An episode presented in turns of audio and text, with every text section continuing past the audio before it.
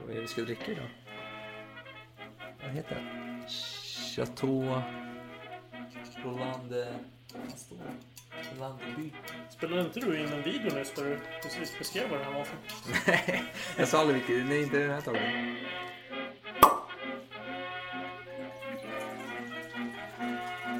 Ja, är vi igång? Ja, vi är igång. Ja, välkomna till Salongsbrusad historia, avsnitt 6. Det handlar om eh, Foch. Det är del 2 vi ska snacka om idag. Vad säger vi om det här vinet?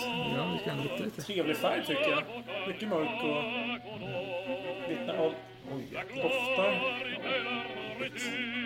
Ja, Trevligt. Becksvart från kriget. Hur ska vi börja egentligen? Jag tänkte... Ja, Ja, ja. nej men... Vi har fått lite tittarfrågor. Eller lyssnarfrågor blir det. det. Det var någon som var nyfiken här på vad eh, Ferdinand Fochs eh, fru hette. Ja, Hon hette Julie Bienvenue och de gifte sig 1978. ja, det ser man. Det visste inte jag ens. Nej, Bienvenue det betyder så här välkommen. Hon var, hon var väldigt välkommen. Ja, jo, kanske. Och eh, vi fick andra kommentarer om vad hette de här syskonen? Eller rättare sagt, De kvinnliga syskonen. just det, Eugenie. Och jag sa ju fel, jag sa fyra söner. Det var ju fyra barn. Det var ju Ja. tre söner. Vad hette det, dottern då? Eugenie, Urs- Eugenie. Eugenie. Eugenie. just det. Ja, men det är så här att för er som inte vet så har vi faktiskt en mejladress ni kan nå oss på. Det är salongsbrusadhistoria gmail.com och vi har även en Facebook-sida. Det är bara att skriva in salongsbrusad historia så finns vi där. Så det är bara att gilla om ni tycker om oss eller något annat. Men om ni inte tycker om oss så kan ni hålla er för er själva. Så jag måste bara, innan vi börjar på allvar, jag måste ha en liten rättelse också. I Förtjänska mordet avsnittet så sa jag, hör jag nu när jag lyssnar på avsnittet, jag sa Rådhustorget. Det är såklart Riddarhustorget jag menade. Innan vi börjar prata om dagens ämne. Mm. Vad, har vi, vad har vi för källor? Okej, vi tar det sen. Vi tar det sen. Nej. Okej. Ja, Alex har äntligen läst klart alla sina källor om Foch, så vi kan äntligen göra det i sista delen av denna serie om denna man som har... eh, Vad fan har han gjort? Han har ätit Han har ost, gjort mycket. oliver. Åh herregud, du, du är inte ens i närheten. Men eh, ja, någonting som jag nämnde förra avsnittet. Det var ju den här kritiska källan. Och det är faktiskt en bok av någon som heter B.H. Vad fan heter han? Skitsamma, han heter Liddell Hart i alla fall. Han skrev en bok som... B.H. Jag, jag har inte skrivit upp exakt vad han hette förnamn där. Men skitsamma, han, han, han använder de initialerna. Boken heter Foch, the man of Orleans. Och det är en anspelning på eh, den här... Eh, The Maid of Orleans, alltså Ja. Jeanne d'Arc. Ja. Eh, och den här skrevs 1932. Men vilka kopplingar finns det mellan eh, de här två karaktärerna? Är det lika religiös eller är det något annat? Ja, Det var ju frälsaren för landet kan man väl säga. Ja. Och, och, och, ja visst. Så, men, vänta, vänta, vänta, bara så det klart. Så den största kritikern till Foch kallar honom för en frälsen för landet. Det är så jävla dålig Eh, kritiker. Jag måste säga så här att jag blev ju inte riktigt klar med boken. Jag hade väl kommit kanske 70%. Eh, och då var jag tvungen att bläddra ganska snabbt där på sista sidorna. Så att det var väl där kopplingen den, eh, i sin eh, helhet till, Mm. Till ja, ja, titeln okej, kom då. okej, ja, Så det här är min tolkning. ja. Och sen tidigare har vi eh, den här Andrew Hillard Attridge som vi nämnde i förra avsnittet. Han som är lite mer av en eh, ja, mindre kritisk skildring. Jag, kan jag har en teori om honom sen, men Mm. det tar vi senare. Ja. Okej. Eh, och eh, Ferdinand Fochs två böcker, Le Principe de la Guerre, som vi nämnde i förra avsnittet, och eh, La Conduite de la Guerre, som är då ja, hur man utövar kriget. Ja. Och den här Hart, vem är han då? Som är kritisk mot Foch, eh, vår frälsare? Jo, han är militärhistoriker och militär, militärteoretiker. Han var kapten i den brittiska armén mellan 1914 och 1927.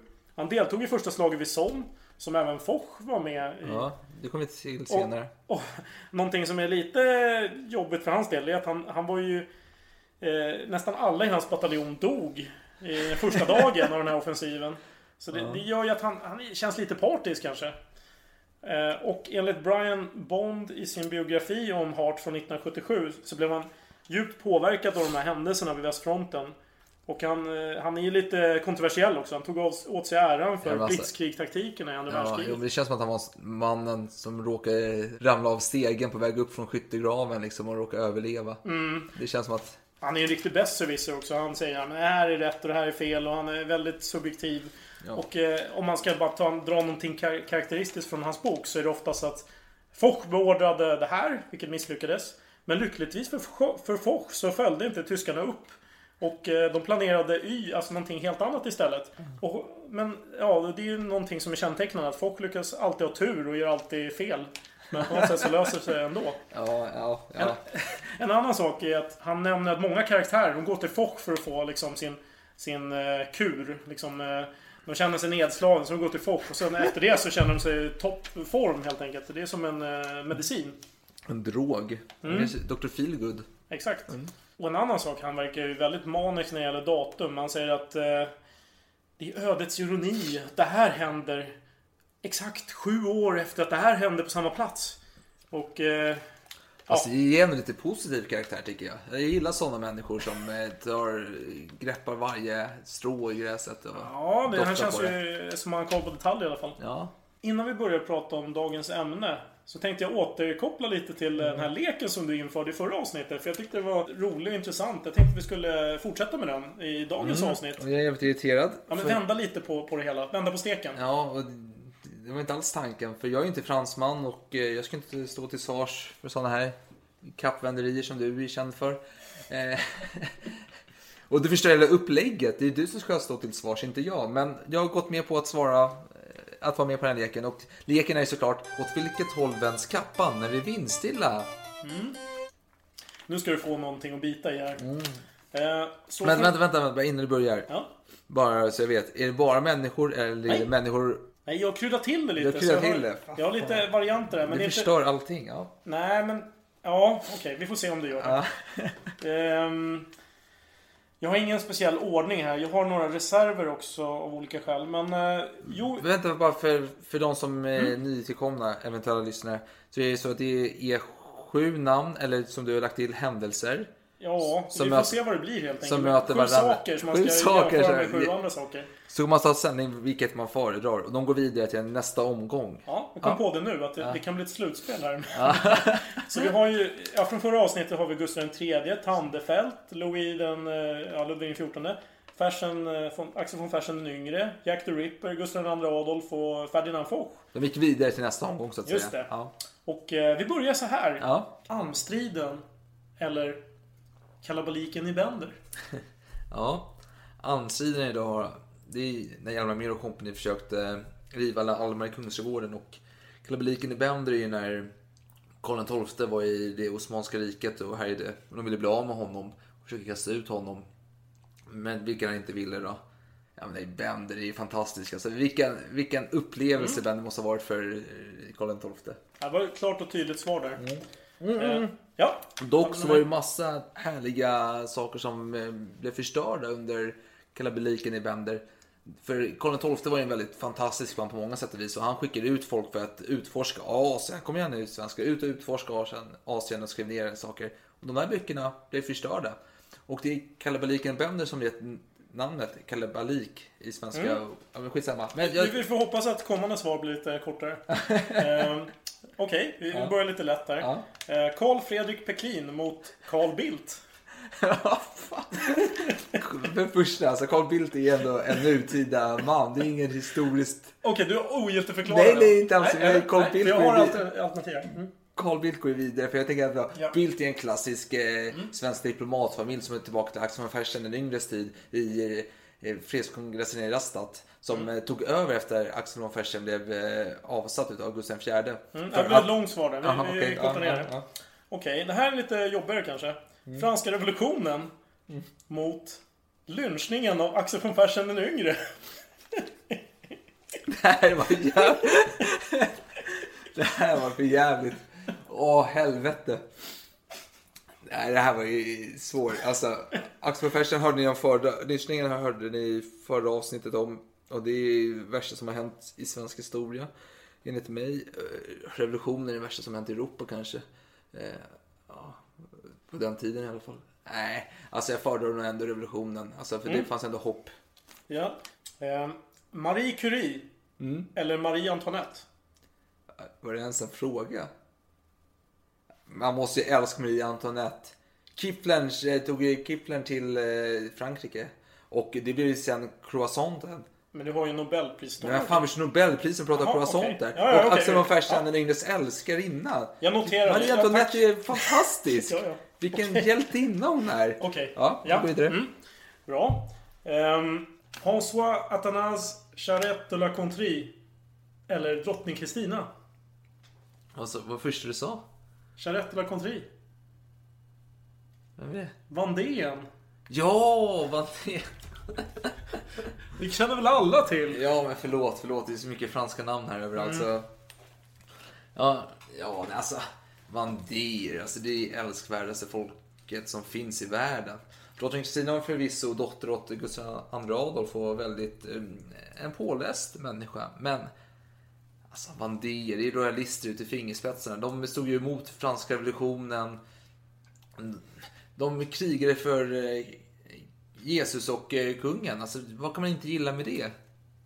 Drottning Kristina är dotter till Gustav II Adolf. Ja, men hon, alltså, och, ja, jo, det väger tungt. Men å andra sidan så abdikerade ju hon ju från tronen och eh, gick över till katolicismen. Ja, Vilket förvisso. vandéerna var, men med tanke på att hennes far kämpade och stred för det protestanta Sverige och Europa så, ja, nej, vandéer i alla dagar i veckan. Jag antecknar det. Ja. Kristoffer Columbus mot Sven Hedin. Sven Hedin. Nej, eh, fan. Eh, Sven Hedin då, det var ju alltså en svensk eh, vad kan man säga, upptäcktsresande, krigshetsande man som älskade Adolf Hitler. Men han, blev, han var väl den sista mannen som blev adlad i Sverige tror jag. Nej men Columbus kommer ändå tillbaka med cigarrer, var det inte så? Ja, Och jag älskar ju cigarrer. Diverse, jo, absolut. Och sen diverse förtryck av... Ja men cigarrer, alltså jag, jag Ja, fokuserar på jo, cigarrer. ja, cigarrer, ja, ja, ja, jag fattar. ja. Mm. Apropå cigarrer. Fidel Castro eller Kurt Haijby? Fan. Ja, Castro vet ju alla vem det är. Ehm, och Haijby var, Kurt Haijby var ju mannen som dels eh, sköt en annan man men blev frigiven för att han hävdade att det var självförsvar. Sen påstod han inleda sexuella relationer med Gustav V. Och sen han blev- åkte fast för att ha sexuellt umgänge med barn så blev, försökte han få kungen att hjälpa honom att bli friad och blev skickad till Tyskland där han också åkte fast för eh, sexuellt umgänge med barn och kom tillbaka och, och så vidare. Äh, nej, vad fan. Eh, alltså jag tänker så här. Haijby har ju ändå bidragit till lite historia i Sverige. Det har varit lite drama kring hovet med honom. Du menar att uh, Det är ändå- Castro är ingen historia runt om? Men fan bryr sig om Castro? Jag pratar om... Kubakrisen. Ja men vad fan bryr sig om Castro? Ja, ja. Haijby har ju ändå gett Okej, lite... Haijby alltså. Ja, jag gillar inte Haijby alltså. Det. Jag gillar att jag fick dig att tvivla mycket och ja, tveka. men, ja, men jag, jag tar Haijby bara för att hans bidrag till svensk eh, kungahistoria. Mm, ja, men då så, då sammanfattar vi det. Då är det klart. Får vi titta på slutspelsträdet senare. Jo, det är vi. För med den leken. Var det allt? Ja. Jag har ju fan inte ens börjat här. Jag kommer igång nu. Jaha, ja, ja, men, Ja, jag, okej, vi tar men om du vill så kan du få köra nästa gång också. Ja, nej, det är din tur nästa gång. Ja, ja, Ja, okej. vi går vidare. Ja. Nu ska vi börja prata om Fock då. Eh, Och eh, jag var tvungen att lyssna på förra avsnittet för att eh, friska upp minnet för det var så länge sedan vi spelade in det. Och dels så måste jag ju försvara någon hållning hade Fock där, så när jag var berusad och hävdade att han gillade ost och inte ville kriga så mycket, han var en fegis. Men ja, jag ska göra mitt bästa för att försvara den hållningen. Men det jag vill sluta var ändå att det var i krig nu. Det var ju Gavrilo Princip hade ju skjutit eh, prins Ferdinand och eh, Öst, 30 dagar senare, vad hände då? ja, men Österrike, Ungern förklarar krig mot Serbien. Och Ryssland försvarar ju Serbien. Så de säger no, no, no Peppe. Dit går inte ni, för då kommer vi gå in i er. Och Tyskland försvarar ju Ungern Österrike-Ungern. Så de säger till Ryssland no, no Peppe. Går ni inte dem så går vi till er.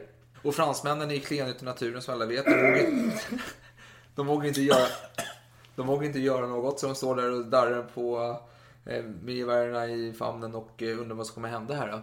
Men tyskarna, de är experter på det här. De vet, om vi ska överleva på detta så måste vi ha tvåfrontskrig och vi måste attackera fransmännen snabbt som tusan. Och det här för oss in på tankarna. För eh, Foch, vad tänker han om det här kriget? För det är så här att Joffre, vet han? Ja, jo, vi, vi kom fram till att vi, vi ska kalla honom för Joffrey. Eh, med en liten koppling att det är Game of Thrones. Ja. Just för att han framstår som lite så här oälskvärd helt enkelt. Vad heter han på riktigt? Eh, Joffre. Joffre. Och han är en alltså en fransk överbefälhavare. Just det. Kan man säga så? Ja. Ja, i första åren i kriget. Ja, ja. Och, han, och han och hans kompisar tycker att vi måste stärka upp försvaret i Belgien. Det är där det kommer ske. Men Foch, han är en kompetent eh, rektor på en eh, krigsskola. Han drar såret. Jävla inkompetenta jävlar, ni kan inte gå dit. De kommer inte gå dit alls. De ska ner i södra Frankrike och attackera in oss här. Det är där eh, järnvägen finns, det är där det finns potential. Han ser de, såg de strategiska målen. Ja, precis. Och det är så här att politiskt sett så kan man inte söka upp i Belgien, för Belgien är ju neutralt. Och man vill inte ha britterna emot sig, för britterna försvarar ju Belgien. Och det här är en väldigt eh, stor... Eh, alltså, det, det är rörigt detta egentligen. Men tyskarna, de tänker vi har vår Scheifelplan. Ja, Schlieffen. Schlieffenplan, tack. Där man ska gå in i Belgien, som är neutralt, och gå in och ta fransmännen eh, snett från Paris då. Och de gör det, och då måste britterna försvara Belgien. Så attacken hamnar ju till slut i Belgien mot den här geniet Fox eh, Ja, jo, jo. eh, teori. Så, så är det. Och det, vänta bara innan rubriken. Och det får man tänka att varför ska britter försvara ett litet skitland som Belgien för? Det kan man fråga. Men det ligger trots allt i britternas intresse att inte ha en stormakt i Europa. Bara så. Precis. Och, eh, och britterna, jo, de är ju norra Frankrike. Och de vill ju skydda sig själva. De vill ju inte bli isolerade och avskurna.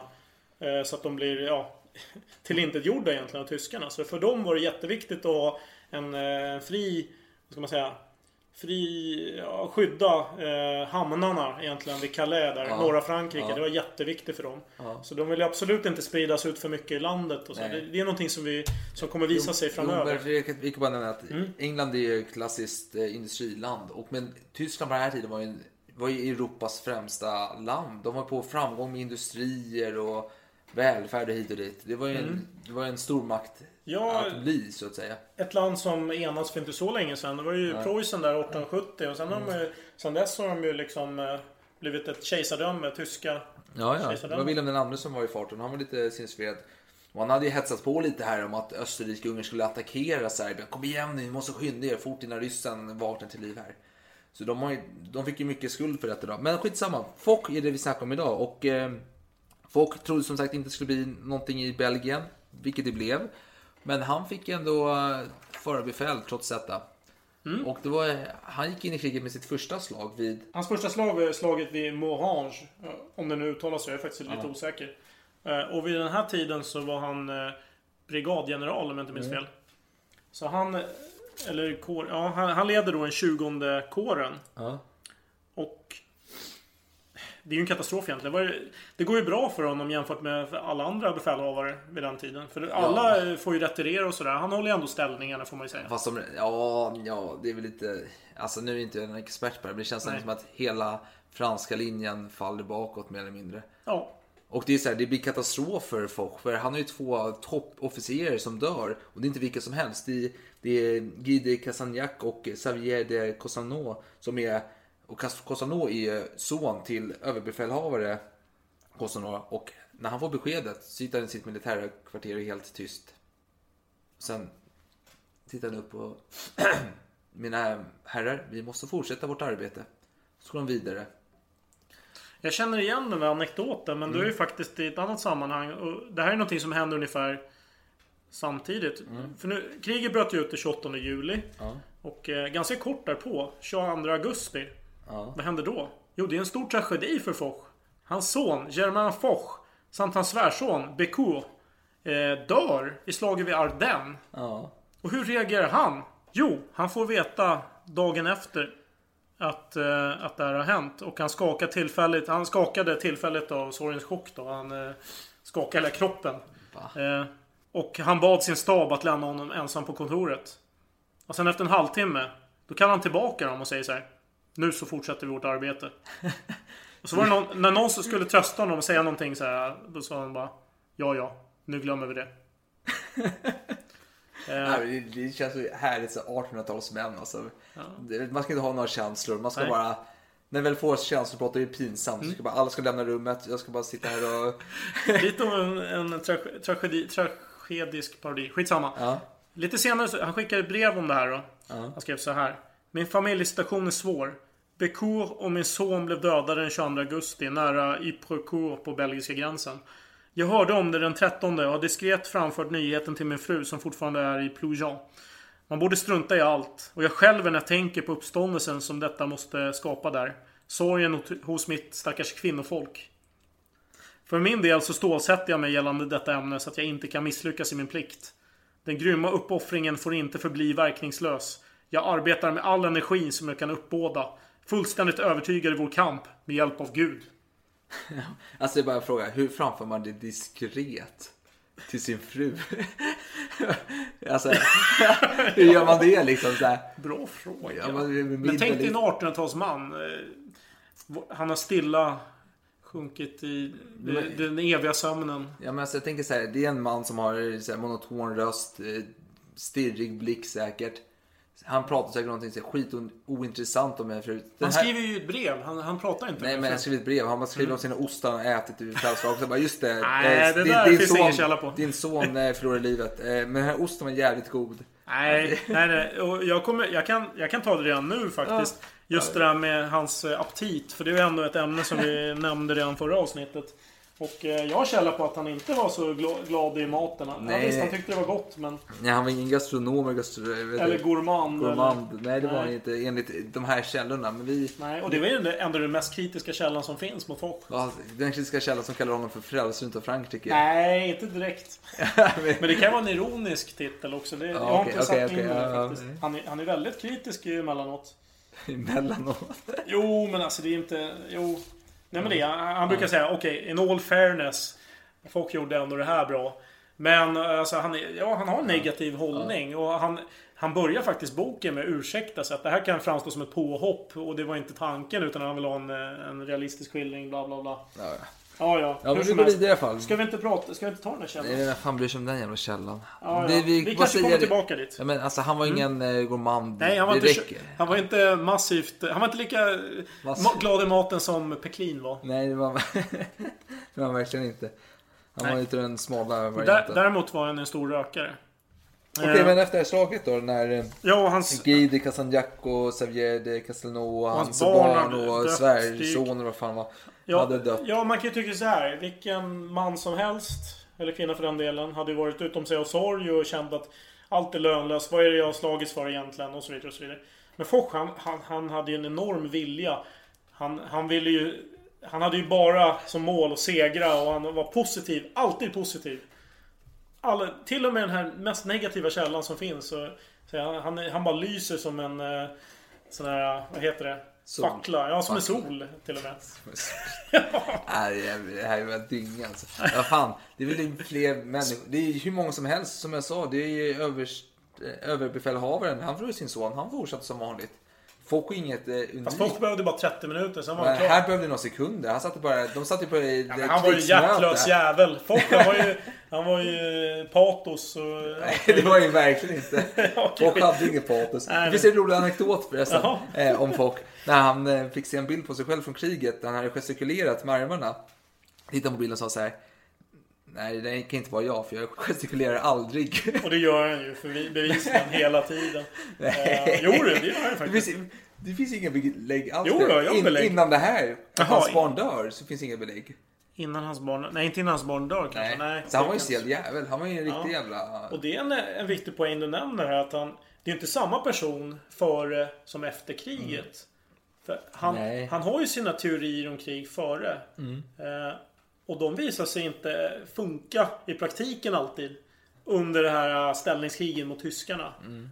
För, för enligt Foch, då handlar allting om anfall hela tiden. Och att det är den som har bäst vilja som vinner och så vidare. Men det visar sig att med de här nya kulsprutorna som har utvecklats. Så, så funkar det väldigt dåligt. För det räcker med en person som står där med ett riktigt bra och kraftfullt vapen. Det ah. spelar ingen roll att du har 50 000 jätteambitiösa personer som springer emot ja. dem. De blir, de blir nedpepprade. Ja. Ja, jo absolut. Men jag tycker det är lite orättvist där. För mm, jag tänker vi kommer dit snart. För det händer ju saker i Fox karriär. Han är inte... Äh, vad sa du? Brigad? Ja, jag tror att han är brigadgeneral ja, men, Vad händer sen? Och det, det är näst högsta titeln egentligen i franska armén. Ja. Eh, och ja, nej men precis. Han gör hyfsat bra ifrån sig. Han eh, visar sig lojal mot överbefälhavaren Joffrey. Ja. De flesta, tyck, de flesta tycker att den kanske är korkad. För det, det är i alla fall vad min, vad den här författaren säger, den här Hart. Han, han skildrar eh, Joffrey då som eh, att han har, han har, han har enorm pondus. Han ser kraftfull ut. Ja. Men han, han har typ ingen hjärna överhuvudtaget. Han går runt och är väldigt tystlåten. Och då tänker folk bara, jo men han, han är eftertänksam. Han är, det är någonting som försiggår här. Han är, ja, han är inte lätt att eh, Alltså, bru- han brusar inte upp och sådär. Han är väldigt stillsam och verkar vara riktigt eh, som en sten, som en rock liksom. Ja. Rock solid. Men egentligen är han bara fullständigt korkad. Och eh, han, han, gör, han gör ingenting om dagarna. Han, när, när det väl bokas en intervju från en tidning och, och de ska ta några lite bilder och sådär. Ja. Då, då är hans eh, arbetsrum det är helt tomt. Det finns ingenting där. Han har tomt skrivbord. Han har bara suttit där och sovit eller någonting. Eh, men precis inför intervjun då, då springer in folk där och sätter upp kartor och allting Men, så att han ska verka fra, framstå som bra. Hur vet de det? Ja, det är vad författaren säger. Fattar jag. Okej, Men, men, han har ju en lång lista med källor så att det är nog eh, olika intervjuer eller memoarer och så. men jag, jag tänker ändå säga att han är korkad så han eh, befordrar Foch ändå. Fast Foch är lojal. Och han vet att nej, men Foch utgör inget hot. Han är ju han är för fan jesuit. Ja, han-. Ja, ja. Ja, ja. Och så vidare. Eh, Gillar däremot, ost, oliver. Ja, precis. Men han har ju någon eh, konkurrent då till titeln som överbefälhavare. Ja. Castelnau. Var det Casino? Ja. Så vi är 1914. Han, han gjorde ändå en, en okej insats får man säga. Mm. Han lyckades ändå hålla tyskarna eh, stången lite bättre än sina Mm. kollegor. Och då blir man ju befordrad. Ja, det blir Ja. man. Det blev han i och för sig lite senare. Men det var ju ändå en månad senare. Slaget vid Marne tänker du på? Ja, precis. Mm. För det var ju efter det här slaget, för jag tänker det du sa om det här med kulsprut hit och dit. Och, Mm. eh, alltså, det är lätt att sitta och raljera efteråt. För jag vet att Mm. du har nämnt tidigare att kritik mot hans, eh, du nämnde dialekt bland annat. Att eh, hans hutlösa alla till anfall. Mm.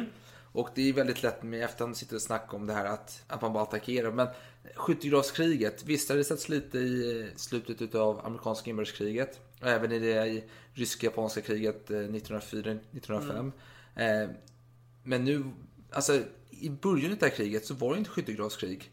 Och det var egentligen vid slag, efter slaget för en då man började gräva ner sig. Det var tyskarna som började gräva ner sig. För innan dess visst man hade tagit skydd bakom lite kullar hit och dit sådär. Men det var då tyskarna började gräva ner sig högt upp. Alltså på, uppe på kullar för att få övertag. Och då, blev det här alla, alla attack eh, förmåner hade ju slutat gälla. Man var tvungen att det blev ställningskrig. Och då hade det var en ny form av krig. Just det. På, på, till stort sett. Alltså, då hade du dina artilleri, du hade dina kulsprutor och du hade ett antal hundra meter som ingenmansland. Och för att kunna attackera framåt så måste du ju attackera. Ja. Och det tog ju år för, för befälhavarna. För de satt ju kanske... Jag misstänker att kommunikationen mellan linjen och de här högsta överbefälhavarna tog... Det var ganska stora avstånd och det förvanskades hit och dit. Ja. Så jag tror att man insåg väldigt sent i alla fall att det här var inte särskilt effektivt. För det var mycket Nej. propaganda också. Att det var, eh, även en mindre framgång som att okej, man höll dem stången men man förlorade otroligt mycket. Det, det framställdes ju som en eh, fantastisk seger. Allting, nu är kriget snart avgjort. Ja. Det här var ju någonting som upprepades om och om igen för varje slag. Jo. Till slut började ju alla tröttna och bara fan det där är bara skitsnack. Det var ju då det började sjunka in tror jag hos de här högsta befälhavarna. Att nej men det, här- det, det här kanske inte riktigt funkar så, funkar så lika bra som vi trodde. Då kan vi säga också att tyskarna gick ju väldigt hårt till anfall i början av kriget. Och fick en del mark. Så de behövde ju bara försvara sig. Alltså, Men de hade ju stora ambitioner att vinna mer mark också. Det var Jo, ju men- verkligen eh, anfall Jo, men det finns ju en historia som säger att eh, tyska, tyskarnas eh, skyttegravar var de bästa Mm. byggda. Britterna var mellanskicket, fransmännen var de sämsta byggda skyttegravarna. Och det var ju för att fransmännen accepterade inte att de skulle vara där en längre tid. De ville ju framåt hela tiden. Tyskarna ha- hade ändå gjort framsteg, ville Mm. ju vidare framåt, men de kunde ändå leva med tanken att vi sitter här, vi sitter på, vi sitter på kullen, vi kan skjuta neråt. Det är jobbigare för dem att komma hit än Ja. eh, vi till dem. Och jag tror att eh, framåt det lider så kommer de här eh, befälhavarna för de som är närmare soldaterna. Ja. De kommer att eh, inte lyda order från de högsta befälhavarna. För de vet att det där funkar inte. Jag gör som jag vet är bäst. Och sen eh, så, tar jag skiten i värsta fall. Ja. Eh, och, och därför i början av kriget, då tror jag att Då, då, då var man väldigt nitisk och då, om, om orden var att nu, nu ska det här vara klart inom några dagar, då, då finns det ingen anledning att gräva ner sig. Och De var nog väldigt så i början, Ja. men det, det sket ju sig så mycket så att... de Ja, men, för jag tänkte, du, sa ju, du sa ju i förra avsnittet om Foch att eh, fransmännen var väldigt attacksugna. Och i början av kriget var de inte speciellt attacksugna. Och vi, alltså, vi får inte komma ihåg att de blir attackerade, de förlorar ju massa mark på grund av tyskarna är mer... Eh, de tar tillvara på situationen. Och går vidare. Opportunistiska. Ja. Men sen är ju också, då kan man ju vara lite pro Foch här och hävda att det är för att pro, eh, Foch inte har befälet än. För han är ju kanske den mest eh, anfallssugna utav alla fransmän. Ja, eh, ja, det är ju en väldigt svår fråga såklart. Men jag tror att det beordras väldigt mycket anfall. Det är bara att det går inget bra. Så det upplevs inte som anfall Nej, överhuvudtaget. men, då- men tyskarna är ju på dem hela tiden. Mm. Ja, i början ja, absolut. Ja. Men de är ju, ja, jo. Man kan säga vad man vill om Ja. hur, varför, hur det kommer Ja, sig. det vara så att tyskarna är en enad styrka. De har ett befäl. De allierade som är fransmännen, belgare och eh, bland annat britter. De har ju flera olika befäl, eh, eller överste befäl. Då. Det, är, det är inte en armé, utan Nej. det är tre plus flera arméer. Det ska nämnas att före kriget så har ju fransmännen då, delvis influerade av Foch, fokuserat väldigt mycket på anfallskrig. Det är det de har tränat för. Det är det de har gjort övningar för och så vidare. Så att, att de helt plötsligt blir, ska vara i försvar, det, det funkar inte bra. Och det är någonting man ska ta med sig när man tänker på varför de här vettlösa anfallen. Jo men det var det fransmännen var bra på. Eller ja, det var det de, det var det de hade tränat för. Vettlös anfall. Okay. Ja, jo men så är det faktiskt. fan kom på den idén? Och Foch? Jo, så som Tintin behöver sin Haddock så behöver ju Foch en assistent. Och han fick eh, kontakt med någon som heter Veigan som eh, också var någon general. Jag tror inte han var det vid den tiden faktiskt. Ehm, och han var väldigt skeptisk till Veigan. Han tänkte såhär, ah, det är en jävla ungtupp. Han, han kan inte det här. Men han visade sig ha de kvaliteter som kompletterar Foch väldigt bra. Han var ju mer noggrann, han förde anteckningar och allting. Och, och, och Foch han var ju mer av en, vad ska man säga, han var ju en urkraft. Kan man säga. Men inte... Det inte verkligen inte. Jo, det var Han var ju motsatsen. Nej, nej, nej. Han, han var ju en urkraft. Han var en urkraft. Nej, och, eh, men däremot att hålla koll på räkningen. Okej, var det 10 000 soldater eller 12 000? Ja, vi låter Veigan sköta det. Så att det- det var ett radarpar helt enkelt. Ja, men jag förstår fortfarande inte. Utan, alltså, det, det jag menar, jag gick ju faktiskt in i grunden som ett försvarstal till Foch och de franska armén här. Det tror jag inte. Jo, men alltså, jag Ja. menar att det är hutlösa anfallen. Alltså, det, även om det har funnits tidigare former av skyttegravskrig så var det här extrema stormakter som krig mot varandra. Det var en sån vapenkraft mot varandra. Och det blev ju ett stillestående krig. Det var inte anfallskriget längre utan man hade sina man, avvaktande. Och du bombade och om du skulle avancera Ja, du var ju tvungen att lämna en skyttegrav och attackera den andra eh, skyttegraven. Och man avfärdade ju erfarenheter från tidigare krig. För då tänker man, ja men det där... är- De har, de har inte lika moderna arméer. Det här är inte riktigt nej, att jämföra västfronten. rys- eh, ryska, Precis, det var- Det japanska, var lite för snabbt kanske. Nej, Men å andra sidan, det är lätt att raljera i Ja, efterhand. men jag tycker vi måste gå vidare här. Mm, det måste vi, vi har fastnat lite. Ja. Men vi, jag tänker, han, han blev ju befordrad. Till divisionsgeneral. Precis. Och det är slaget vid Marn. Marne, säger man. Ja. Och eh, han blir, eh, vad sa du, divisionsgeneral där. Mm. Och eh, han får ju återträffa sina britannier, de franska britterna. Ja, britterna, Ja, ja, bretans. Just det. Och eh, tyskarna attackerar ju eh, och går igenom linjen och eh, Fox Brit- Britannia då, där armén, de lyckas slå tillbaka tyskarna. Och eh, Foch är väldigt filosofisk när han reflekterar över detta. Han säger Bah! Om de attackerar oss så hårt måste det betyda att det går dåligt för dem någon annanstans. Och så säger han till sina britannier, då, de franska britannierna. Mina pojkar, ni måste döda de där kamraterna för att hålla dem tillbaka dem. Och de svarar Vi vill vår general! Och så går de till och försvarar linjen då. Och det innebär ju att eh, Foch får ju någon hedersutnämning för detta. Vilken då? Är det Hederslegionens Stora Kors kanske? Ja, jag tror det var det. Ja. Nej, men det är en intressant sak du säger. Att han drar sina slutsatser utifrån att de anfaller. Baserat på hans egna teorier egentligen. Att okej, om du ligger lite illa till, ja då ska du anfalla. Ja. För det, det, ja, det är bättre. Men ja, det är inte riktigt det som eh, den här eh, Lidell tycker. Han har en liten annan... Han, han har andra förklaringar till att tyskarna retirerade och de ville försöka med en annan manöver och så vidare. Ja, ja. Men, folk eh, trodde det han trodde i alla fall. Ja, han trodde det han trodde. Ja. Han fick ju credit för det. Han så. fick en medalj. Vem vill inte ha medalj? Det vill ju alla ha. Utom Foch. Bra att skära osten med liksom. Ja, det är sant.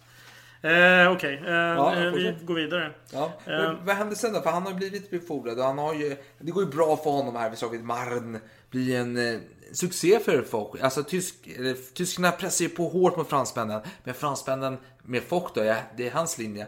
De blir hårt attackerade vid centern. Och det är kanske just vid det slaget som hans mest berömda citat kläcks Mm. i tidningarna i Frankrike. Och det lyder...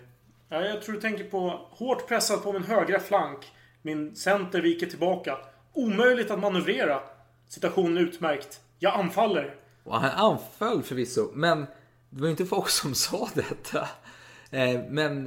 Jag Det, troligen en assistent till eh, som hade lytt nej, men alltså, jag, jag, det, vad fan, jag tänker, folk läcker ju till pressen. Alltså han, han, han kör på, han, han får feeling, han kör på, han, han, attackerar och det går bra. Efteråt, "Ja, jag sa så här. Nej, jo, han vill, inte, nej. han vill sprida myter om sig Nej. själv. Han, han, gav, han var... Om man ska säga någonting så han var ju otroligt anfallsglad människa.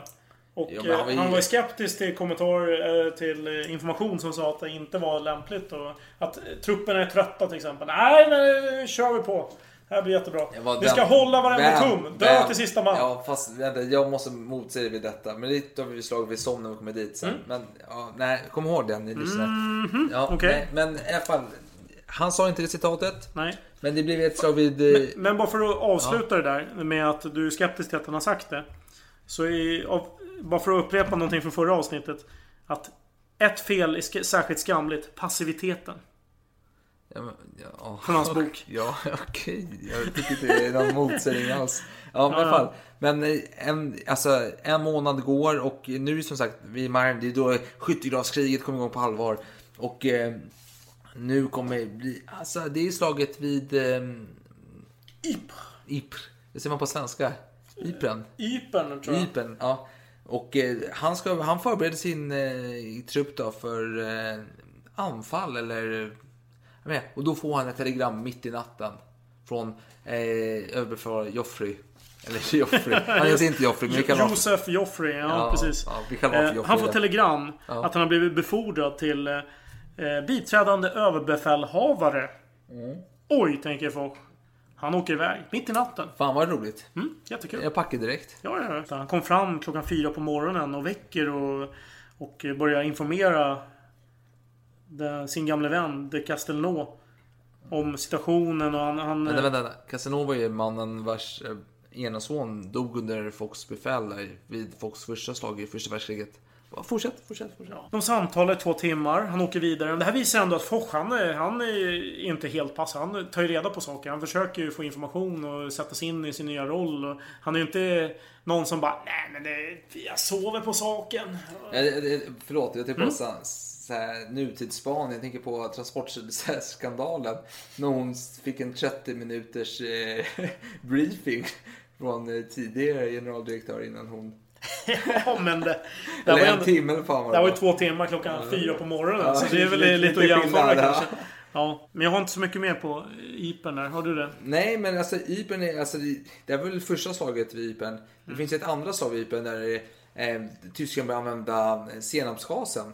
Mm. Och eh, man kan tycka att dumma, dumma tyskar, ni använder alltid gas.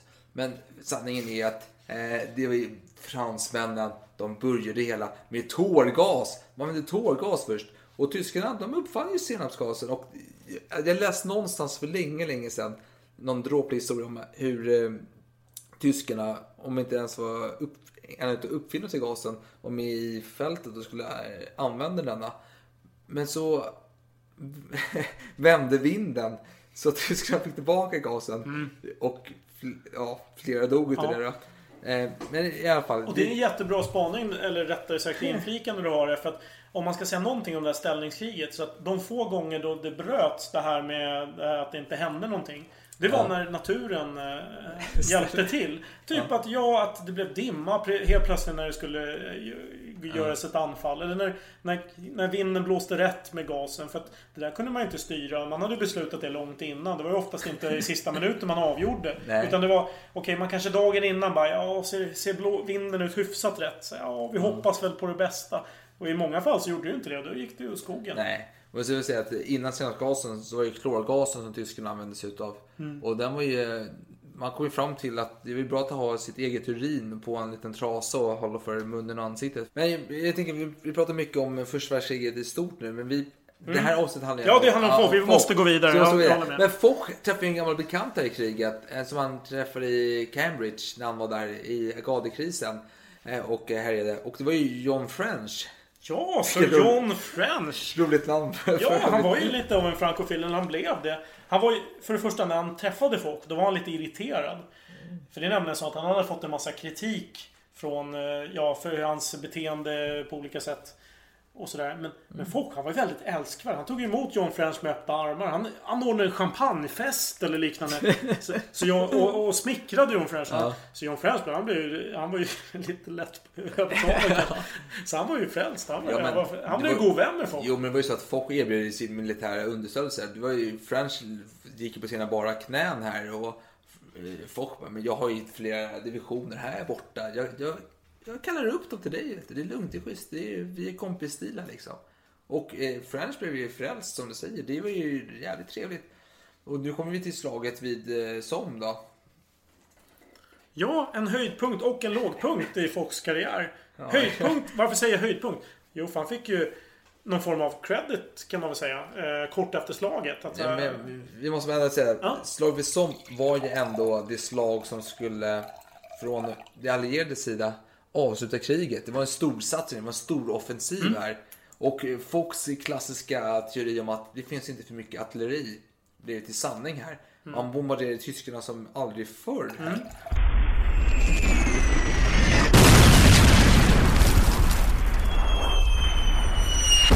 och, och samtidigt som slaget vid Somme, vad hände då? Jo, var slaget vid Verdun. Som var ett fasansfullt hemskt slag som tyskarna hade inlett. För de, de ville... Eh, fransmännen hade faktiskt eh, egna planer på att göra precis samma sak. Det vill säga att eh, locka in tyskarna och eh, bara åderlåta dem helt enkelt. Och det var det som tyskarna gjorde mot fransmännen i Verdun. Så det här var ett ställningskrig. Det hade pågått under många månader. Och slaget vid Somme, det var ett sätt att avleda lite pressen på Verdun. För där hände otroligt mycket. Man kände att okej, vi måste flytta lite arenan här Ja. och börja slåss här istället. Och det vi ska komma ihåg från att de allierade sidan så var det ju vid slaget vid Somme, det var ju britterna och fransmännen. De hade, inte, de hade inget gemensamt befäl utan det var ju olika befäl som ledde slaget. Och man bombarderade tyskarna som en tusan. Det var ju hur mycket artilleri som helst. Men tyskarna var ju nedgrävda. De, alltså fan, ingen som brydde sig om den här bomben som small upp på ytan. Det är ingen som brydde sig. Så när eh, fransmännen och britterna väl attackerade, då var ju tyskarna, de var ju fan, de har ju sovit i 12 timmar. De var ju krya och pigga och de hade ju maskingevär här. Och de hade, det var ju lekstuga för dem mer eller mindre. De sköt ju som fan.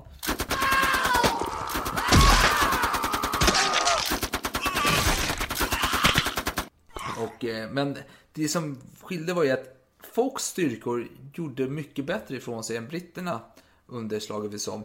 Och eh, alltså Fox, eh, om man ska säga det var någon soldat vittnesmål som liknade slagfältet vid en dantistisk eh, sekvens. Alltså det var väldigt, de här helvetet, Ja, ja, eh, ja. skärselden, De sju helvetena. sju helvetena. Det var ju sånt liknande där på slagfältet. Och eh, Fox beskrev det som att mina män var nästan döda men marscherade ändå. Och med tanke på det du sa tidigare, vi vill återkoppla till. Att eh, hans män var slitna men de gick vidare. De hade den här tron på, på det vidare. Och det gick ganska bra. Alltså det var ingen klar segrare vid slag vid som. Men materiellt så segrade de allierade. Så nu är slaget vid Somme avgjort. Mm. Och man kan ju tro att det utbryter jubel bland de allierade. Här har man ju ändå lyckats på något sätt besegra... Med materiell seger. Det var ingenting att jubla åt. tänker jag. Nej, det blir lite jobbigt faktiskt när tidningen börjar rapportera om de stora förlustsiffrorna i just det här slaget. Och det och det är inte så att det här är ett unikt slag. Man har ju förlorat väldigt många i tidigare slag också. Men i det här fallet så har man någonting att jämföra med och det är slaget vid Verdun. Ja, Som det har gått mycket bättre vid. ja. Så nu börjar folk skandera No more Somme! No more Somme! No more Somme! No more son! Ja. Och eh, ja, folket kräver helt enkelt en eh, syndabock. Vem är det som har lyckats leda våra soldater så dåligt att vi har förlorat så många soldater? Och, Ah, Joffrey är ju lite the prime suspect här va? ja. Och Joffrey han börjar ju svettas bara. Ho, ho, ho. Det här känns inte bra. Och vad händer ungefär samtidigt? Jo, Foch, han råkar ut för en bilolycka! ja, var det verkligen efter, inte innan som han åkte ut för en bilolycka? Jag kan ha fel, jag kan ha fel, jag kan ha fel. Ja, nej, men Det så- det, det kan stämma. Ja men det är så här fall att, att han åker i sin lilla bil. Han åker iväg från sitt lilla hus på toppen utav den här kullen i Flandern. Och han har lite trevligt under utsikterna. Ser en massa döda lik överallt och njuter. Och så helt plötsligt går en en kvinna med en bebis i famnen rakt över gatan. Så folks chaufför tvärvänder, nitar och bara svänger åt sidan. Och Foch, åh nej han skadas, stackars Foch. Flyger ut ur bilen och slår Ja, sig. nej, han får lite skrubbsår och hamnar på sjukhus. Och då skriver, alltså den här författaren Aldrich, han skriver ju om att om Foch hade dött så skulle det sprida sig en stor depression bland alla soldater i fältet och det känns ju gravt överskattat. Ja, Spekulation, vi vet inte riktigt. Nej, men i alla fall. Men Foch blir skadad i alla fall. Mm. Och, och anledningen till att jag vill eh, återknyta till det är att när Joffrey sen börjar svettas här av att eh, det gick ju så pass dåligt nu i, i Son jämfört med Verdun. Att han, eh, han känner att eh, opinionen går emot honom lite. Och han måste ju ha en syndabock. Ja, såklart. Så tänk, kommer han tänka på, vänta nu, det- ryktena går ju att eh, Foch är lite sjuk nu efter sin bilolycka. Klent Det psyke. känns som att det är ju perfekt om jag kan skylla allt på honom. Ja, jo, Och jo. så blir det väl lite... Nu är det ju tidigt 1900-tal här, så man sparkar ju inte folk hur som helst. Men eh, han får någon slags eh, annan tjänst helt enkelt. Ja, och han blir ju sjukskriven om man säger så. Ja. Stackars dig Foch, du har så ont i benet, lite skrubbsår. Ta lite lugnt här borta. Du kan, vi- vi backar undan dig lite här så du får rehabilitera i lugn och ro. Jo, det, det är andemeningen i alla fall. Att Ja, det blir så. Foch var ju inte sjuk. Han, Nej, han var ju ju- som en kärna. absolut. Han var ju som en liten eh, avokadokärna. Så när han blir satt vid sidlinjen, då blir han frustrerad. Bara, Fan, jag vill tillbaka ut i fronten. Mm. Och... Eh, ja, det, blir en period av eh, inaktivitet kan man säga. Ja, men han kanske saknade sitt hus där. Han kanske blev av med det på toppen. Han gillar utsikten trots allt. Han kanske fick bo i lite så här bysjukhus någonstans. Här, skitiga lokaler. Eh, Nivelle får helt eh, plötsligt ta över och eh, leda den franska armén. Ja. Nivell. Låter Ja. brittiskt. Han, han var ju en av de eh, framträdande soldaterna i slaget vid Verdun under Pétain. Eh, inte brittisk-fransk faktiskt. Det går inte så bra för Nivelle. Han blir känd för Nivelle-offensiven. Som är en fullständigt misslyckad offensiv som sker under några månader. Och han får sparken. Men han fick sparken. Ja. Alltså rakt av. Ja. Han var ingen högt uppsatt person så Ja, att säga. jag, jag vågar inte... Jag vet faktiskt inte exakt vad som hände men... eh, Andemeningen är att han får sparken, precis Ja. som andemeningen var att Foch fick sparken Ja, tidigare. okej, ja. Och ersätts av Pétain som eh, överbefälhavare för de franska styrkorna. Mm. Och Foch, han är ju intresserad av att slåss vid fronten och Pétain, han har ju på något sätt förtroende för Foch. Jag vet inte exakt hur deras relation ser ut men... Petain, alltså, förlåt jag avbryter. Mm. För de som inte vet vem Petain är. Det är alltså mannen som eh, blir ledare för nazistvänliga Frankrike. Vichy Frankrike under andra världskriget. Förvisso, men då... Det var ju många år senare. Ja. Vid den här tiden då var han en stor hjälte i Frankrike. För det var han som var franska befälhavaren vid slaget vid Verdun. Ja, Och eh, kallade sen hjälten hjälten av Verdun. ja. Och det kan nämnas också att tack vare hans insats under första världskriget så blev man ju ganska schysst behandlad efter andra världskriget. Man tog ju det i backning när man Just det, för skulle han, döma honom. han blev faktiskt dömd till döden. Ja, Eh, Men benådades då. Han fick livstidsfängelse istället. Så det är det ju bättre. Inte så jättemycket bättre kanske. Och han, han eh, var dement på slutet och sådär. Han var Eh, gammal. En tragisk historia. Ja, stackars honom. Eh, men Men eh, i alla fall, så han blir ställföreträdande överbefälhavare under eh, Pétain. Foch då? Alltså. Foch, Ja. precis. Joffrey, glömde säga det. Joffrey, han blev ju faktiskt åsidosatt. Ja, när var det? Var det före eller efter Nivelle-offensiven? Lite osäker. Ja, nej, jag har inte riktigt koll på den här nivell. Nej, Men i alla fall... men, men, jo, men det viktiga är att Joffrey, han blev avsatt. Han fick sparken. Eller rättare sagt, han blev befordrad till fältmarskall. Same same. Så det var en symbolisk titel. Ja. Eh, han behöll faktiskt den formella eh, vad ska man säga, befälet över alla arméer överallt typ i Frankrike. Men han Men utan makt, eller? sköts lite åt sidan. Ja, det blev mer så på pappret men han, han fick faktiskt inte göra någonting. Alltså jag måste älska det här 1800-talstänket. Även om det är 1900-tal då. Men det är just det här klassiska att jag kan inte förnera dig så mycket i offentligt liksom. Du, du är värdelös men jag måste ändå hålla någon form av eh, gentlemannastandard gentemot dig. Så istället för att du blir förnedrad så får du en annan titel. För precis så blev det. Så att Mm. Från och med nu så är Joffrey egentligen, han är inte intressant längre. Nej. Han har ingen reell makt. Så hans försök att eh, smeta skiten på Foch misslyckades helt enkelt. Det kan man säga. Ja. Du, vet du vad? Jag skulle gärna vilja fortsätta här, men jag ser att klockan börjar rinna ganska mycket. Det har gått ganska lång tid. Vi har bara kommit halvvägs. Herrejösses. Så jag föreslår att vi delar upp det i två avsnitt helt enkelt. Så det får bli en Foch del 3 helt enkelt. Tycker jag låter lämpligt för det finns fortfarande mycket att säga. Ja, vi har bara kommit till 1917 va? Eller 1916 är vi någonstans? Vi är 1916 Ja, på fortfarande. slutet där, ja. efter slaget vid Somme. Ja, precis. Ja, men vi syns nästa gång då. Då kommer vi fortsätta 1917 och framåt. Det här ser vi fram emot, Ja, eller hur? ja, Kom igen nu! Skål som är fan! Skål! Ta mig fan!